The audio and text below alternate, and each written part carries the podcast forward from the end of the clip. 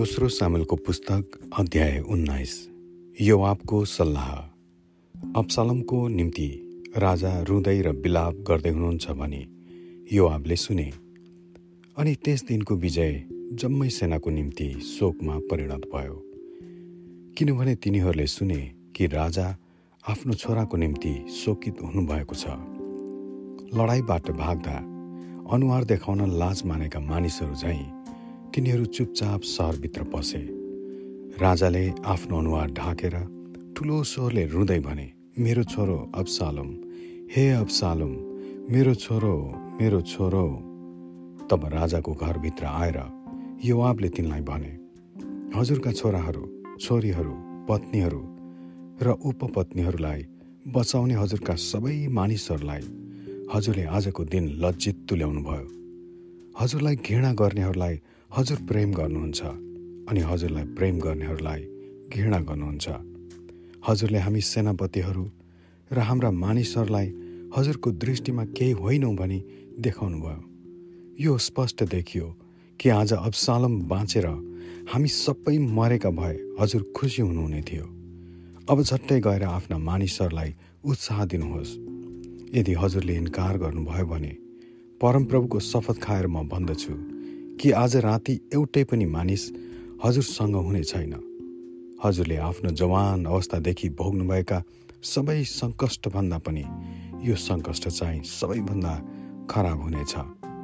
तब राजा उठे र मूल ढोकामा बसे अनि जब राजा मूल ढोकामा बसिरहनु भएको छ भने मानिसहरूलाई सुनाइयो तब तिनीहरू सबै राजाको सामुन्य देखा परे। दाउद एरुसलममा फर्केका। त्यस बेलासम्ममा इजरायलीहरू चाहिँ आ आफ्नो घरमा भागिसकेका थिए।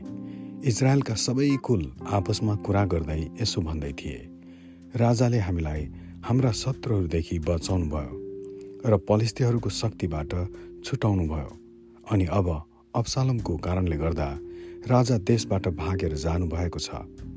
तर हामीले राजा अभिषेक गरेका अब्सलम लडाइँमा मारिएका छन्। यसकारण अब राजालाई फर्काएर ल्याउने युक्ति हामीले किन नगर्ने? तब दाउद राजाले साधुक र अभियाथार पुजारीहरूलाई यसो भनी पठाए यहुदाका धर्मगुरुहरूलाई सोध। राजालाई तिनीहरूका महलमा ल्याउनलाई किन तिमीहरू सबैभन्दा पछि हुने? किनभने जुन कुरा सारा इजरायलमा गरिँदैछ त्यो कुरा राजाको घरमा पुगिसकेको छ। तिमीहरू मेरा दाजुभाइ हौ मेरै हाड र मासु। राजालाई ल्याउनलाई तिमीहरू किन सबैभन्दा पछि लाउने अनि अमासालाई भन तिमी त मेरै हाड र मासु होइनौ र यदि तिमी यो आपको सट्टामा मेरो तिम्रो जीवनभरि नै मेरा सेनापति बनेनौ भने परमेश्वरले म प्रति कठोर व्यवहार गरून्। दाउदको यो समाचारले यहुदाका सबै मानिसहरूको मन एउटै मान्छेको मन जस्तै गरी जित्यो।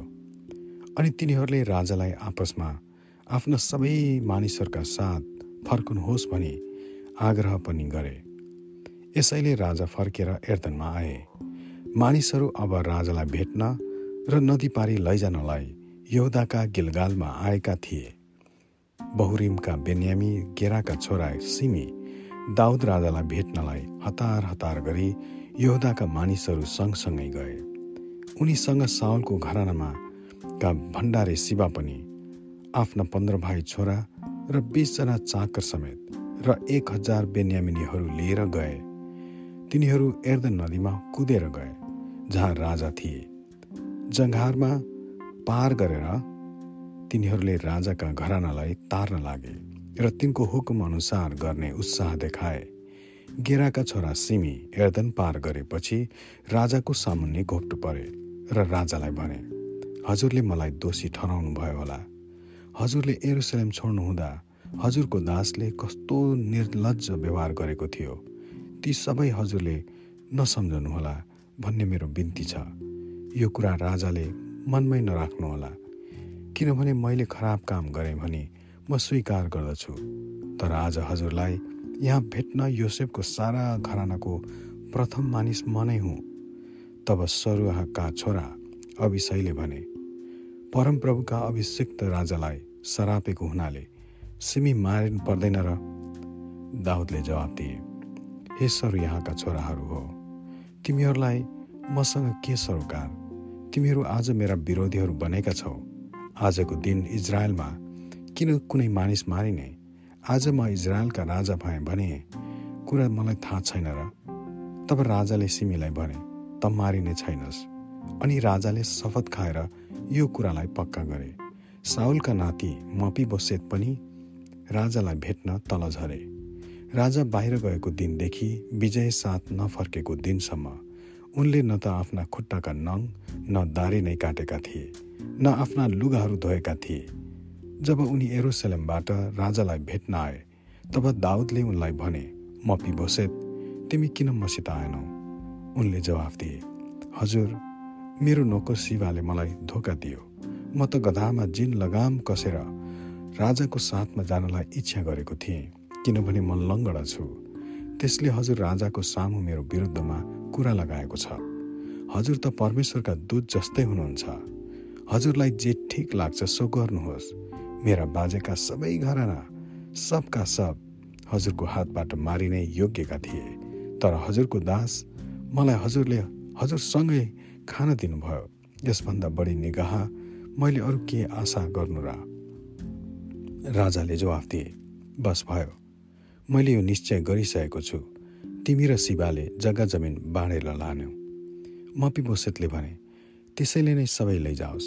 किनभने हजुर कुशलसित घर आइपुग्नु भयो गिलादी बर्जिललाई पनि रोगलिमबाट तल झरे र राजालाई एर्दन पारी पुर्याउनलाई राजा कहाँ एर्दनमा आए? बर्जिललाई चाहिँ असी वर्षका साह्रै वृद्ध मानिस थिए। राजा महनोममा बस्दा तिनले नै राजालाई खानेकुरा जुटाइदिएका थिए किनभने तिनी खुबै ढनाढ्य मानिस थिए। राजाले बर्जेललाई लाई भने मसँग पार तरेर जाऊ। म तिम्रो निम्ति एरुसलेममा मेरो घरानासँग तिम्रो बस्ने खाने प्रबन्ध गरिदिनेछु। बर्जिल्लैले राजालाई उत्तर दिए हजुरको दास हजुरसँग एरुसलेममा जानलाई साह्रै वृद्ध भएको छ। म अस्सी वर्ष पुगेँ। असल र खराबको ज्ञान अब मलाई छैन। मैले खाएको पिएको कुराको मलाई स्वाद हुँदैन। पुरुष र स्त्रीले गाएको स्वर म सुन्न सक्दिनँ। यसकारण म अझै हजुरको साथमा भार किन हुने? हजुरको दास एर्दन पारी अलिक परसम्म हजुरको साथमा जानेछ। तर राजाले मलाई किन यस्तो असल इनाम दिनुहुन्छ? मलाई फर्कनलाई अनुमति दिनुहोस् र मेरा पिता माताका चिहानको नजिक मेरै सहरमा मेरो बाँकी दिन बिताउन सकुला।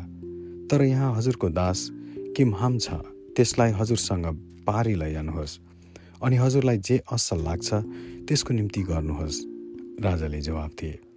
त्यसो भए किमहाम मसँग पारी जाओस्। र तिमीलाई जे असल लाग्छ सो त्यसको निम्ति म गरिदिनेछु। अनि तिमी जे माग्छौ सो म तिम्रो निम्ति गर्नेछु। तब सबै मानिसहरू एर्दन पारी तरे र त्यसपछि राजा तरे। तब राजाले बर्जीलाई लाई चुम्बन गरे र तिनलाई आफ्नो आशीर्वाद दिए अनि बर्जीलाई आफ्नो घरमा फर्किगए राजा पारी तरेर गिलगालमा आए अनि किमहाम तिनीसँग थिए। यहुदाका सबै मानिसहरू र इजरायलका आधा मानिसहरूले राजालाई नदी पारी पुर्याए। त्यसपछि इजरायलका सबै मानिसहरू एकसाथ जम्मा भएर राजा कहाँ आए र यसो भने किन हाम्रा दाजुभाइ यहुदाका मानिसहरूले हजुरलाई लगे अनि राजा र तिनका घराना र तिनका सबै मानिसहरूलाई लगेर एर्दन पारी ल्याए। यहुदाका मानिसहरूले जवाब दिए किनभने महाराजा त हाम्रा नजिकका नातादार हुनुहुन्छ। यसमा तपाईँ किन रिसाउनुहुन्छ? के हामीले राजाको धन खाएका छौँ? के हामीले केही उपहार आफ्नै लागि लिएका छौँ? इजरायलका मानिसहरूले यहुदाका मानिसहरूलाई जवाब दिए राजामा हाम्रा दस भाग छन् अनि त्यसबाहेक दाउदमाथि तपाईँहरूको भन्दा हाम्रो बढी हक छ। तपाईँहरू हामीलाई किन तुच्छ सम्झनुहुन्छ? राजालाई फर्काइ ल्याउने कुरा के हामीले पहिले निकालेका थिएनौँ र? तर यहुदाका मानिसहरूले इजरायलका मानिसहरूले भन्दा झन कडा कुरा गरे। आमेन।